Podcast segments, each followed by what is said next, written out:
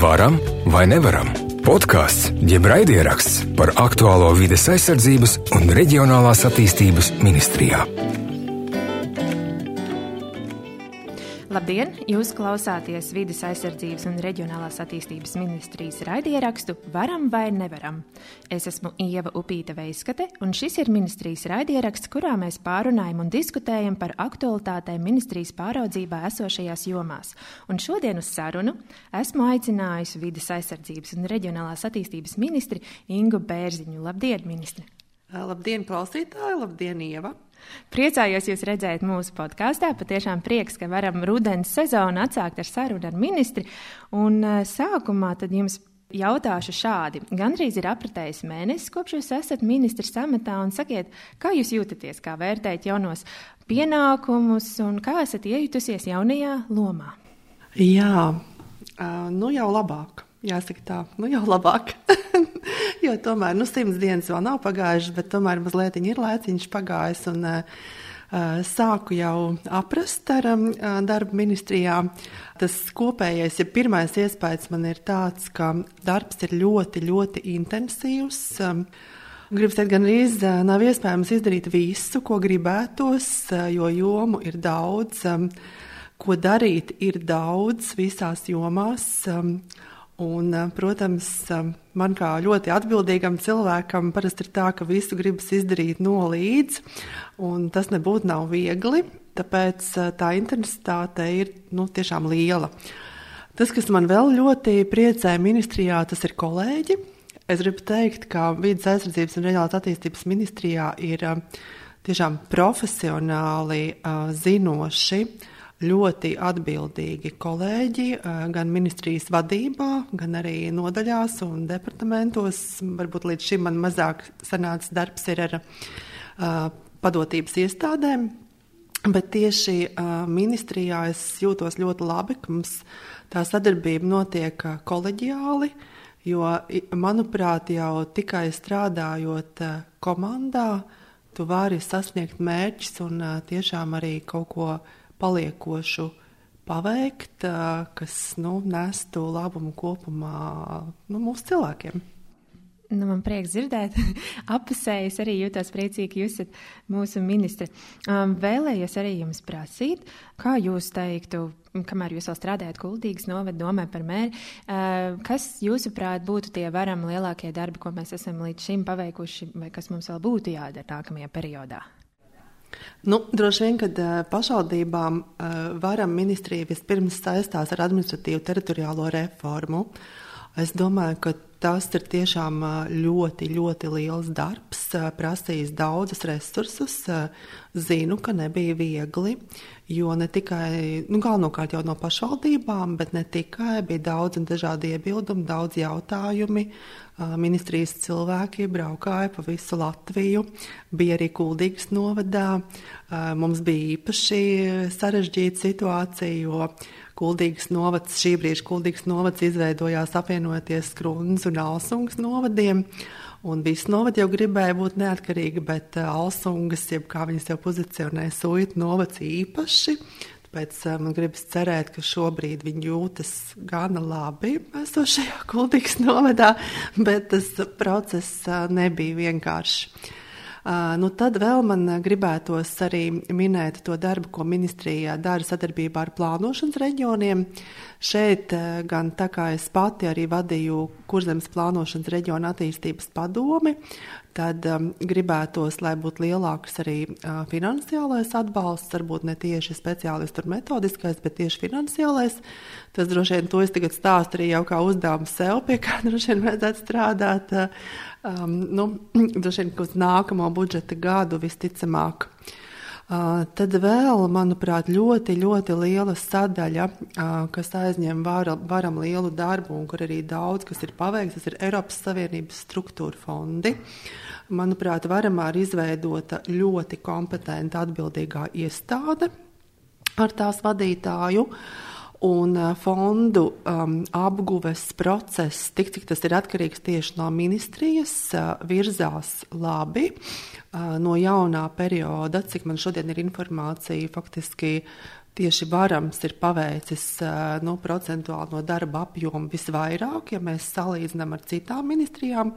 Neskatoties uz to, ka varamā nu, šis jaunais portfels no S fondiem ir arī nu, gana liels, turpat miljards eiro, kas kopumā ir ministrijā. Tas ir arī ļoti nozīmīga varam darba sastāvdaļa. Nu, un vēl, protams, iepriekšējā darbā un kopumā visas pašvaldības arī saskarās ar vidas jautājumiem, dabas aizsardzības jautājumiem, kas arī ir varam pār, pārziņā, kur gan šobrīd ir vienošanās, ka šie jautājumi pāries uz klimatu un enerģētikas ministriju. Jā, mēs par to vēl pārunāsim. jā, jā, bet tas, kas, protams, skar un ne tikai pašvaldības, īstenībā šī sādaļa visvairāk skar katru iedzīvotāju, var skart katru iedzīvotāju, skar uzņēmējus. Līdz ar to šeit arī tas nu, varam paveiktais gan poligonu, atkritumu poligonu izveidošanas tādā posmā Latvijā kopumā, gan arī kas man pašai arī patīk, kuras es visu ģimeni piespiedus darboties, tas ir depozīta sistēma, jā, kura, kur šobrīd, man liekas, kad nu, iestrādājās gana labi, vismaz pudeles apkārt vairs tā mēs neredzam, kā to redzēja iepriekš. Un visi arī, protams, saskaņošanas jautājumi kas ir saistīti ar dažādiem būvniecības procesiem un ietekmēm uz vīdu novērtējumu. Nu, šeit arī ir varam ļoti tāda liela loma. Droši vien, ka es vēl, vēl daudz varētu runāt. Var runāt un runāt, vai ne? jā. Tā ir, jā, mums ministrijā tiešām tās tēmas un kompetences ir ļoti daudz, bet jūs jau arī nedaudz pieskārāties, ka nākamā gada budžeta apstiprināšana mums vēl tikai, tikai priekšā. Sekosim līdzi, kā tur viss attīstīsies, bet uh, tomēr es jums pavaicāšu par šo pašu tēmu. Mm, kā jūs raugāties par nākamā gada prioritātēm? Kā jūs teiktu, ko mums vajadzētu nu, vēl no darāmiem darbiem uzsākt katrā no sektoriem, varbūt tā īsi? Uh, varbūt sāksim ar reģionu sektoru. Jā, nu, attiecībā uz um, reģionu sektoru, nu, jāsaka, ir tā, ka valdība par nākamā gada budžeta prioritātēm ir vienojusies, un nākamā gada budžeta prioritātes ir veselība, izglītība, iekšējā un ārējā drošība. Uh, Visās šajās jomās ir paredzēts gan liela finansējums, un, un arī jāatzīst, ka tas ir ļoti nepieciešams, īpaši veselībā, kur nākamgad būs 275 miljoni. Tāpat arī iekšlietās, kuram jāspēj ir turēt līdzi aizsardzības ministrijas budžetam, pretējā gadījumā ļoti grūti nomotivēt darbiniekus. Nu, tad jāatzīst uz reģioniem un pašvaldībām tieši nākamajā gadā nu, nav, nav tas atbalsts uh, tik liels, kā gribētos arī, arī man kā ministrē, kā, nu, ko gribētos. Bet um, tomēr uh, tieši šajā reģionālajā sektorā būs ļoti daudz darba ar Eiropas Savienības struktūra fondiem. Jo um, beidzot šis periods, kuram jau bija jāstākās 21. gadā, un nākamgad jau mums būs 24. Uh, jau tā diezgan liela nobīde. Bet nu, tad, tad beidzot šis finansējums nonāks arī līdz tiem gala saņēmējiem. Līdz ar to pašvaldības varēs īstenot fonda projektus dažādās jomās industriālajos parkos, uzņēmējdarbības atbalsta programmās, publiskajā ārtelpā, ceļos, ielās. Arī minēt, ļoti daudz un dažādās programmās. Un tas, protams, pašvaldību nu, resursus slogo, un līdz ar to investīcijas pašvaldībās būs. Jāsaka, pašvaldībām arī paralēli, lai noīstenot šos projektus, ir jāņem valsts kasē aizņēmumu, daudzos gadījumos, lai priekšfinansētu un praktiski visos, lai līdzfinansētu šīs programmas. Līdz ar to arī šis ir tāds darbs gan pašvaldībām kā tādām, gan arī būs sāksim redzēt rezultātus no jaunajām investīcijām Latvijā kopumā kas mums būs nākamajā gadā. Tas, ko neizdevās, bet ko gribētos uz 2025. gadu, pie kā mēs šobrīd strādājam, tas mums vēl nav izdevies, bet gribētos, lai tiktu atjaunota valsts investīciju programma pašvaldībām. Tas, ko es minēju iepriekš, tas ir Eiropas Savienības struktūra fonda finansējums, bet gribētos arī valsts investīciju programmu, kāda ir bijusi augstas gatavības projektiem. Nu, tā kā nākamajā gadā viņa nav budžetā, tad mēs gribētu, lai tāda būtu 25. Un arī 2026. gadā. bet šīs investīcijas būtu mērķētas un tiktu veiktas sadarbībā ar Izglītības ministriju un sadarbībā ar Satiksmes ministriju. Kāpēc? Jo šobrīd viena no aktualitātēm ir kvalitatīva izglītība, kas ietver sevi pārmaiņas skolu tīklā, un kas līdz ar to arī ietver nepieciešamību uzlabot mācību vidi skolās, kur koncentrēsies lielāks skolnieku skaits. Tad tie var būt gan dažādi kabineti, gan skolu rekonstrukcija, iespējams, pierīgā arī papildus telpas skolām. Plus ceļi, ieguldījums pašvaldības ceļos, par kuriem būs nu, līdz skolām jānokļūst, un arī kopumā atbalsts mobilitātei, kas varētu iekļaut autobusus, ar kuriem nu, teiksim, skolnieki varētu tikt pārvadāti. Tad tā būtu veidotos tāda kompleksa programma.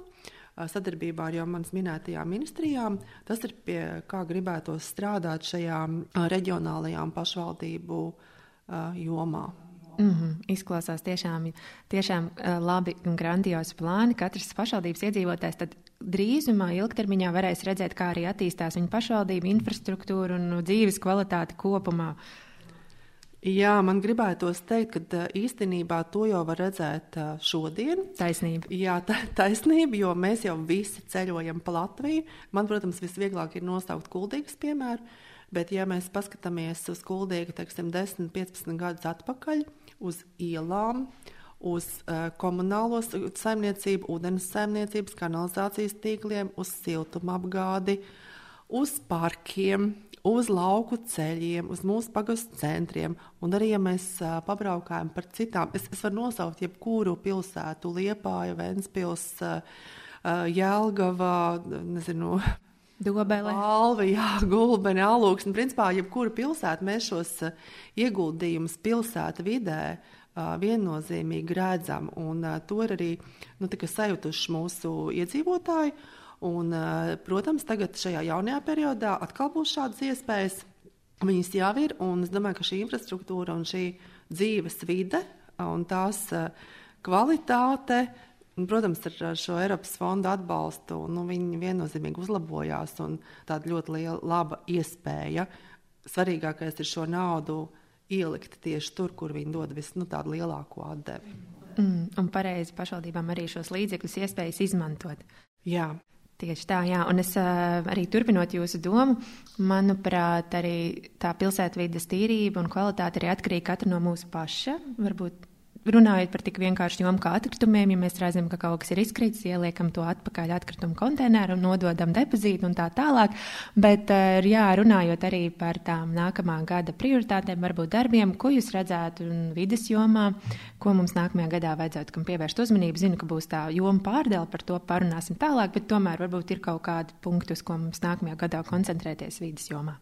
Jā, es mazliet gribētu atsaukties uz to vidas tīrību un uh, sakārtošanu, kur arī katram ir jāpiedalās. Uh, tas, ko uh, es esmu novērojis savā uh, praksē, ir tā, jo mums ir sakārtotāka vide, jo īstenībā cilvēki arī uzvedas uh, labāk. Ir kaut kāda veidojas tāda pietāte pret to vidi. Viens, ja tu ej par, nezinu, uh, izrakņātu ceļu vai lauku, un otrs, ja tu ej par nobruģētu ielu ar sakārtotām ēkām apkārt. Tā, sakot, ir arī tas efekts, ka tā vide veido cilvēku, un tas attiecās gan uz to atkritumu savākšanu, un varbūt to papīru nenomešanu zemē, un arī uz tādiem, nu, kā lai saka, kādiem, nu, postījumiem, kas dažkārt varbūt notiek.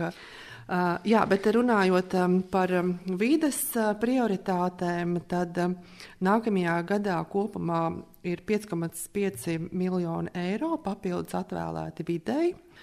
Un šis finansējums būs vairākām aktivitātēm. Vairākas ir saistīts ar dažādām Eiropas komisijas regulām un arī direktīvām.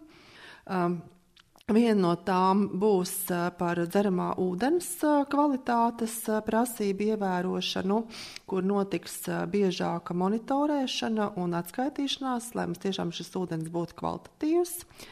Tad uh, arī papildus finansējums un darbs notiks pie kapacitātes stiprināšanas gatavībai un rīcībai radiācijas avārijās. Uh, es pavisam nesen vien, viesojos um, uh, valsts vidas dienestā un arī um, redzējām šo radiācijas nodaļu. Tiešām uh, ļoti patīkams un labs uh, iespējas palika par to, kas tiek darīts. Uh, Mums varbūt šķiet, arī man varbūt pirmā mirklī šķiet, ka tās radiācija Latvijā nav un ko tad tur vesela var nodaļa var darīt. Bet īstenībā mums ir daudz dažādas rūpnīcas, mums ir dažādi rūpnieciskie atkritumi kuros šī radiācija var parādīties, un tas tiek monitorēts, un tas ir jāuzrauga. Un es pat šeit vēl nerunāju par to, kas var notikt kaimiņu valstīs, un nu, teksim, mūsu kopējo tādu drošības situāciju. Uh, Jā, nu vēl varbūt, ko es vēl pie vidas gribētu pieminēt, šobrīd notiek darbs pie tādas dabas skaitīšanas, ja tā var teikt, saviem vārdiem. Un šobrīd nav vēl šis gala ziņojums, bet manuprāt, tas ir ļoti būtiski saprast, tad, cik un kādas vērtības mums ir. Šis ziņojums būs tuvākajā laikā, un pēc tam arī attiecīgi vienoties, ko un kādā veidā mēs sargājam arī noteikti šī ir viena no aktivitātēm, kas, kas nākamajā gadā jāveic. Nu, ar vienmēr cikot, joma ir plaša. Un darba ir daudz. Arī tur ir daudz, jā. Un sakiet, mums vēl palika digitālā joma, kā ar to nākamajā gadā? Jā, nu, digitālā joma ir uh, viena no varam prioritātēm. Negribās jau izcelt kādu jomu, jo viss ir svarīgas. Uh, bet dzīve mūs uh, noliek tādā uh, laikā, kad digitālā joma kļūst ļoti svarīga. Un es domāju, ka tās nozīme nākotnē tikai pieaugs. Tāpēc arī digitālajai jomai nākamajā gadā ir papildus finansējums. Un uh, viena no lietām, ko mēs plānojam izdarīt, tas ir uz valsts reģionālās attīstības aģentūras bāzes izveidot valsts digitālo aģentūru. Uh, kura tad eh, kopumā Latvijā veidotu informāciju, komunikāciju tehnoloģiju jomā tādu kā kopējo dizainu vai arhitektūru, ko mēs varam nosaukt, tas nenozīmē, ka šī aģentūra veidos visas sistēmas. Nu, kā e-veselība, vai visas izglītības sistēmā, vai vēl citās ministrijās. Bet tas, kas ir svarīgi, ko, kas būtu jādara digitālajai aģentūrai, tas ir jāskatās, lai šīs visas sistēmas spētu sadarboties, Tas ir tā, lai nebūtu tā kā šobrīd dažkārt ir, lai no vienas sistēmas iegūtu datus, otrai ir diezgan liels tās izmaksas, lai tas nenotiktu. Tātad viņām jābūt savietojamām. Un, un otra lieta, tad, tad pirms kāda sistēma tiek izstrādāta, viņa būtu jāsaskaņo ar šo digitālo aģentūru un būtu jāvienojās, kā viņi darbosies, lai tad, kad tā tiek izveidota, viņi nebūtu atrauti no pārējā un spētu viens otru papildināt. Tad uh, digitālajā jomā ļoti liels izaicinājums ir cilvēku digitālās prasmes. Uh, mums šķiet, ka mums katram ir telefons, un mēs esam ļoti digitāli, bet īstenībā tā nav.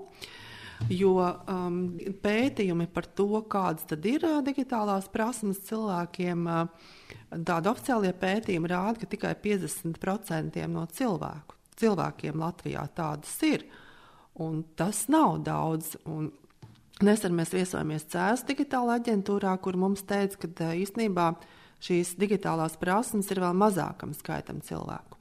Tātad šeit ir ļoti liels darbs darāms. Un, uh, tam ir arī paredzēts um, arī finansējums, arī fonda finansējums, un pie tā noteikti, uh, noteikti tiks strādāts. Tur ir arī daudz ko darīt, lai saprastu, uh, kas tad ir tās prasmes, ko mēs gribam, lai cilvēks māca, kurā brīdī mēs pasakām, ka viņam ir šīs digitālās prasmes. Jo nu, mums jau neko nedod, ja mēs digitalizējam visas sistēmas, un cilvēki gala rezultātā ar tām neprot strādāt. Jo šeit ir abas puses. Viens ir sistēmas, kurām ir labi jādarbojas, otrs ir cilvēki. Nu, kaut tā pati e-Latvija kur eh, man jau ir bijušas dažādas diskusijas. Citi saka, ka vispār viņi nekam nedara, paskatieties uz Igaunijas sistēmu. Citi atkal saka, ļoti labi, visu var izdarīt. Tagad tie viedokļi dalās. Manuprāt, eh, tā e-Latvija tur izdarīt var, bet ja mēs runājam par dizainu un par to, kā tur kaut ko atrast, nu, ja godīgi ir diezgan sarežģīti. Tā kā, nu, teiksim, ja vajag iesniegt, piemēram, slimības lapu, tad cilvēkam, kurš ar to nav strādājis, nemaz nav tik viegli tajā e-Latvijā norentēties. Tad, tad tur, nu, tur ir ko darīt no abām pusēm. Gan sistēma, plus arī cilvēki, kas to māca. Vēl paturpinot pie digitālās jomas um, un uh, kā cilvēkiem to sasniegt, ir uh, arī ministrijas pārziņā vienotie valsts uh, klientu apkalpošanas centri. Un šeit ir tā, ka tas darbs ir iesākts, un es neatceros no galvas skaitu, pārpa simts, man liekas, ir tāds 166 ir šobrīd. Bet tā tad nākamajā gadā vēl 52 jauniem punktiem ir piešķirts finansējums. Kopumā ir vajadzīgi vēl tie punkti. Un kāpēc tas ir svarīgi? Jo šie punkti atrastos pilnīgi visā Latvijas teritorijā. Tātad katrā pagastā, katrā ciemā būtu šāds vienotais klienta apkalpošanas, valsts un pašvaldību vienotais klienta apkalpošanas centrs Un cilvēkam, kuram ir ļoti labas digitālās prasmes, uh, nu, laika gaitā, ja vēl ne šobrīd, bet laika gaitā viņš visticamāk ļoti daudz ko varēs izdarīt no mājas, vai no savā telefona, vai no savas mājas datora. Bet, bet tā kā mums šīs prasmes nav daudziem, un arī ne visiem mājās ir datori, tad uh, šāds centrs ir vieta, kur cilvēks arī var atnākt. Ja viņam nav interneta vai nav datoru, tad um, būt, ir kas viņam palīdz, ir kas pastāsta, kā to izdarīt, uh, uh, pamāca, lai viņš šiem pakalpojumiem tiek nu, klāt. Jo vēl nu, runājot par uh, valsts uh, pakalpojumiem, kas mums ir digitālā jomā, šeit Latvija ir viena no līderēm, manuprāt, piektajā vietā Eiropā, kas ir ļoti labs noklājums ar to, cik daudz pakalpojumu mums ir pieejami digitālā veidā. Nu, piemēram, vienu, ko es varu nosaukt, notāri, kuri mums ir pieejami attālināti, ar kuriem var strādāt. Tad, piemēram, Vācijā tas ir nu, gandrīz neīstenojams stāsts. Tas līdz tam viņiem ir ļoti, ļoti tālu. Tikai ir lietas, kas mums ir labas. Vajag tikai ieraudzīt. Mēs uh, bieži vien saskatām trūkumus, un ir jau viņi arī jāsaskata. Bet mums ir jāmācās arī uzsvērt labās lietas, to, kas mums ir, un to, ar ko mēs varam lepoties. Varam precizēt. Bet uh, atgriežoties pie vides jomas, par ko mēs visu laiku runājām, nevaram nepieskarties arī tad, uh, vides pārdalē uz klimatu un enerģētikas ministriju. Un vēl nesen ziņās lasīja, ka jauno ministriju sauc klimata, enerģētikas un vides aizsardzības ministrija. Uh, sakiet, kā redzat abu ministriju sadarbību pārdales laikā, jo tomēr droši vien būs kaut kādas jomas, kas pārklāsies gan vienai, gan otrai ministrijai. Jā, nu jāsaka, sadarbības sanāksmē vienojāmies. Kā mēneša laikā sadarbībā ar Klimata un enerģētikas ministriju mēs sagatavojam plānu. Nu, plānu, kā šī pārēja varētu notikt, lai visiem būtu skaidrs. Tā kā tādā vienā vārdā man ir jāatbild, ka viss vēl ir procesā. Bet runājot par nosaukumiem, varbūt izmantojot iespēju, arī kādam no klausītājiem rodas ideja, kā tad varētu saukties varam. Ja vidas vairs nebūs, tad vidas aizsardzība laikam vairs nederēs nosaukumā. Un tad mēs šeit esam modelējuši radām vai darām, bet tad, tad mums tie, tie burti, sanāk, digitālās attīstības un reģionālās attīstības ministrija, tad ir darām. Tas tāds labs vārds, bet nu, tad varbūt ir kādam vēl kādas eh, labas idejas, kā varētu saukties mūsu ministrija. Tas ir ļoti arī svarīgi mūsu podkāstu kontekstā, jo mēs saucamies varam vai nevaram, bet daram skanāt pat vēl labāk.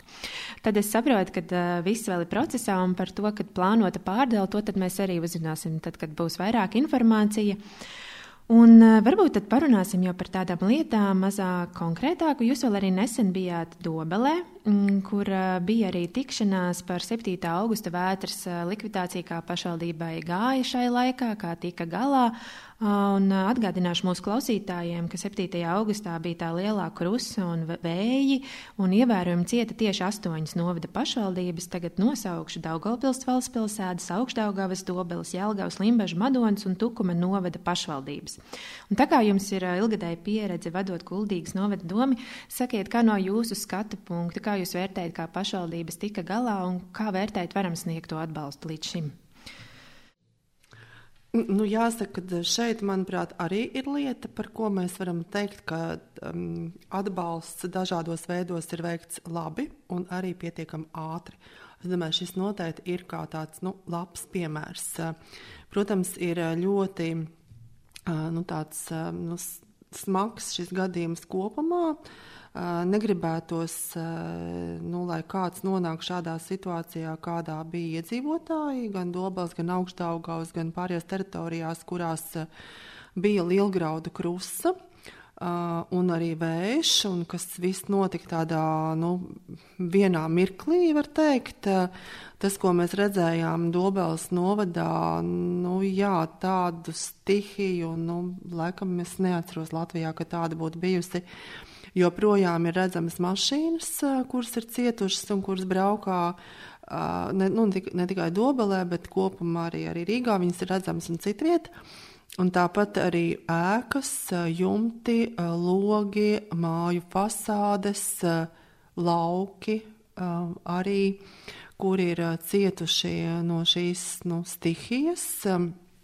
Tā kā, jā, nu, vienīgais varbūt, kur varētu pievērst uzmanību, vai mēs to nevarētu noprognozēt nedaudz ātrāk.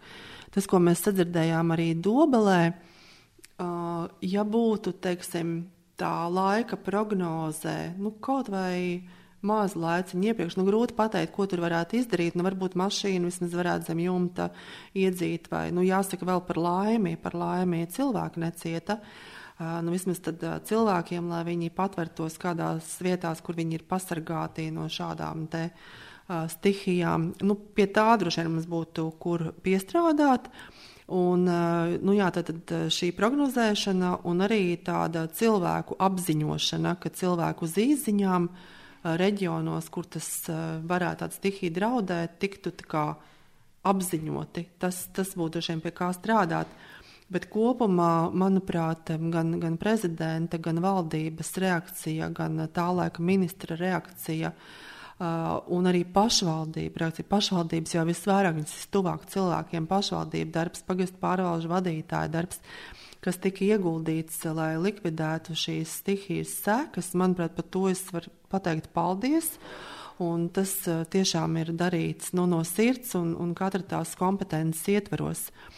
Un arī uh, tā, pašvaldības ir um, apkopojušas informāciju par um, par nu, gan nodarītajiem zaudējumiem, gan arī apkopojuši tās vajadzības, tad arī ministru kabinets ir jau atbalstījis pirmajā kārtā vairāk kā 4 miljonus eiro kas tiek novirzīti galvenokārt iedzīvotājiem savu īpašumu sakārtošanā.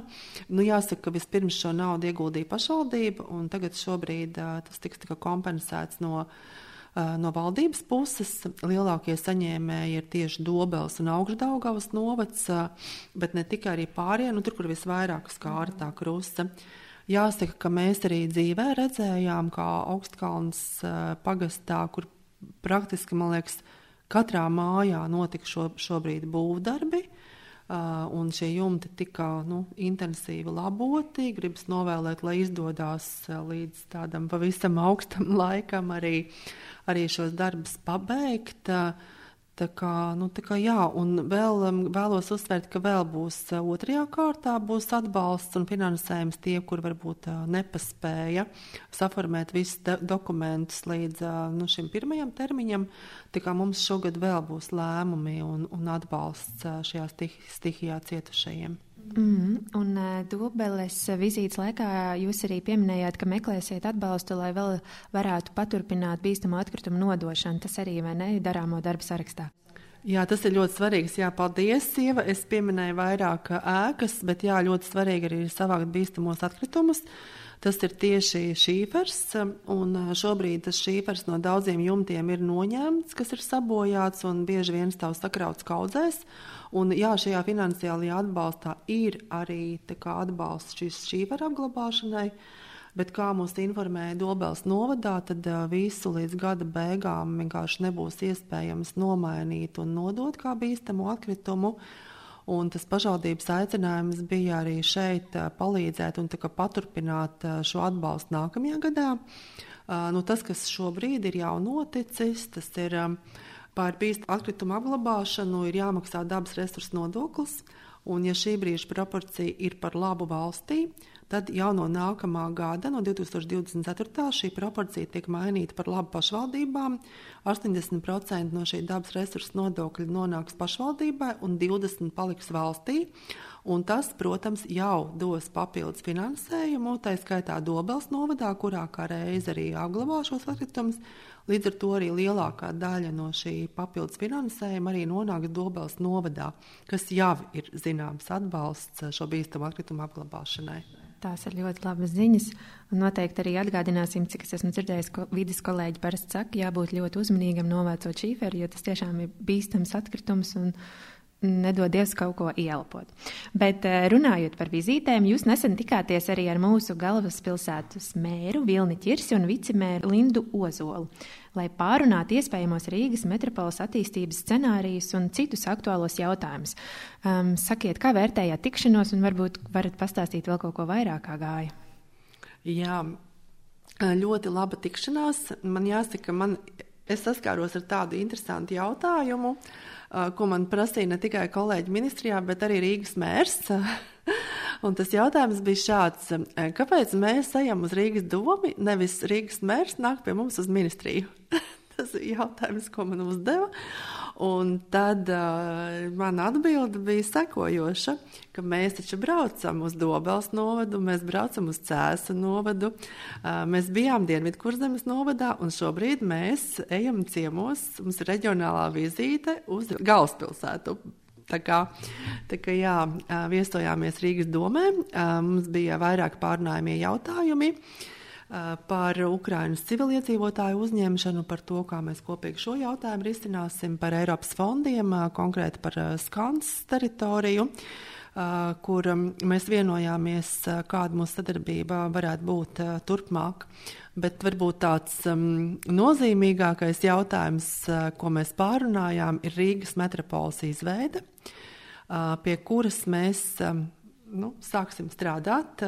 Šobrīd apstākļi ir sakrituši tā, ka gan mēs no ministrijas puses vēlamies eh, veidot šo Rīgas metropolu, un arī Rīga kā pašvaldība, kā pilsēta to vēlas. Jo no Rīgas iepriekš eh, nav tāda ļoti vēlme sadzirdēta, jo ir lietas, kur bez tādas kopīgas ciešas sadarbības ir grūti domāt par attīstību. Nu, piemēram, sabiedriskais transports kur ir nu, viennozīmīgi ir sasaistē. Nu, pierīgas iedzīvotāji brauc uz Rīgu un otrādi un brauc uz darbu, un skolnieki tiek vēst uz skolu. Vai skolas un bērnu dārza tīkls, kurš ir arī jāskat, kur tu nevari novilkt līniju pie Rīgas robežas. Un tad šajā sakarībā, ko nozīmē tā Rīgas metropole, šobrīd nevar pateikt, vai tā būtu otrā līmeņa pašvaldība, bet šādu modeli es neizslēdzu, bet vēlos uzsvērt, ka uh, Mēs par to runājam tikai pie Rīgas. Manā ieskatā pārējā Latvijā nav nepieciešama otra līmeņa pašvaldība. Ir plānošanas reģioni, kur ietveros um, pašvaldības sadarbojās. Uh, un, uh, manuprāt, Latvija nav tik liela un pietiek arī ar šo vienu līmeņu pašvaldībām. Bet tieši par Rīgu, tieši Rīgas gadījums varētu būt uh, kā izņēmums gadījums, kā galvaspilsēta, kur arī kopā ar Pierīgu, var teikt, koncentrējās pusi no Latvijas iedzīvotājiem. Un tad šeit mēs runātu par tādu Rīgas metropoles pārvaldības izveidi. Un kopīgā, tādā, stā, kopīgā darbā mēs nonāktu domāju, pie secinājuma, tad, kuras tieši funkcijas, domāju, par to mums būtu spraigas diskusijas. Un tad vai šī pārvaldība tiek veidota uh, nu, teiksim, vienojoties uh, esošajām pašvaldībām par kādu finansējumu sadaļu un organizēt kopīgu darbu, vai tomēr šī pārvaldība otrā līmeņa tiek veidot kā atsevišķa pašvaldība. Piemēri Eiropā ir dažādi, varam tos eh, paskatīties, kā citviet tas notiek. No Rīgas eh, domas sadzirdējām, ka viņiem šķiet tāda pieņemamāka tieši šī otrā līmeņa pašvaldības izveide, jo, ja teiksim, tas ir nu, Rīga ar pierīgas pašvaldībām pie viena galda, šiem būtu diezgan grūti novienoties par kādiem jautājumiem, jo tad cik liels būtu svars katram un cik balsis, un kā tur visu, ja tā ir otra līmeņa pašvaldība ar nodalītām funkcijām un finansējumu, par tiem jautājumiem, kas ir būtiskākie metropolē, tad jau tas varētu izskatīties savādāk. Bet man negribas arī skriet notikumiem pa priekšu. Es domāju, tas darbs mums notiks, un tie, kuriem tas interesē, noteikti varēs šajā darbā un diskusijās iesaistīties. Lieliski jaunumi. Sekosim līdzi, kā viss attīstīsies. Un runājot arī par um, labām jaunām tēmām, labām jauniem projektiem, uh, vēlos arī pieminēt nesen valdībā apstiprināto ministrijas izstrādāto noteikumu projektu, ar ko ir plānots sniegt atbalstu pašvaldībām privātā pirmskolas izglītību pakalpojumu un auklīšu pakalpojumu iegādē.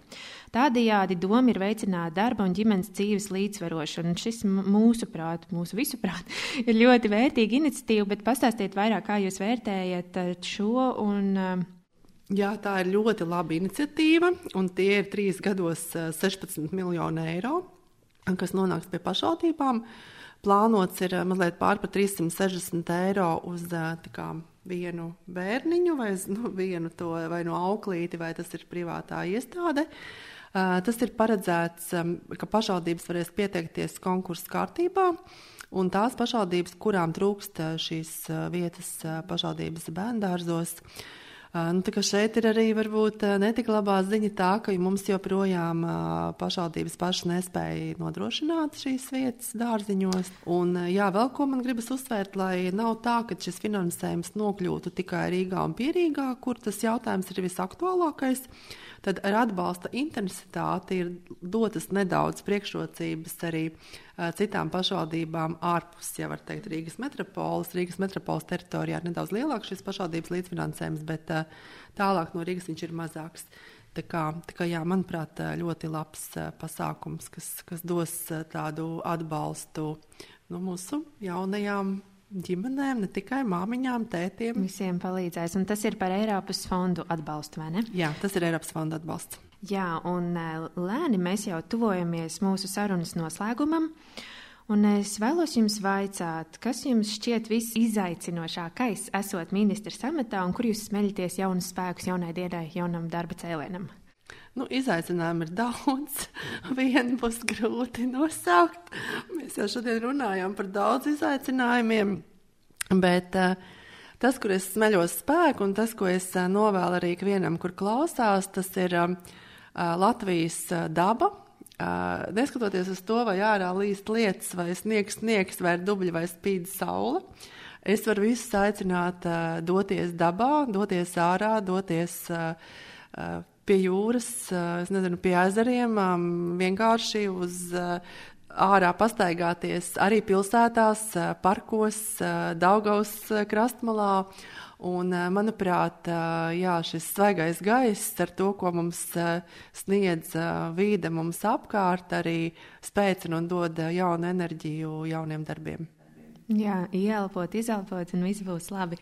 Jā, bet, bet eh, vēl sakiet, kas jūsuprāt ir tā rakstura iezīme, kas jums šajā amatā noderēs visvairāk?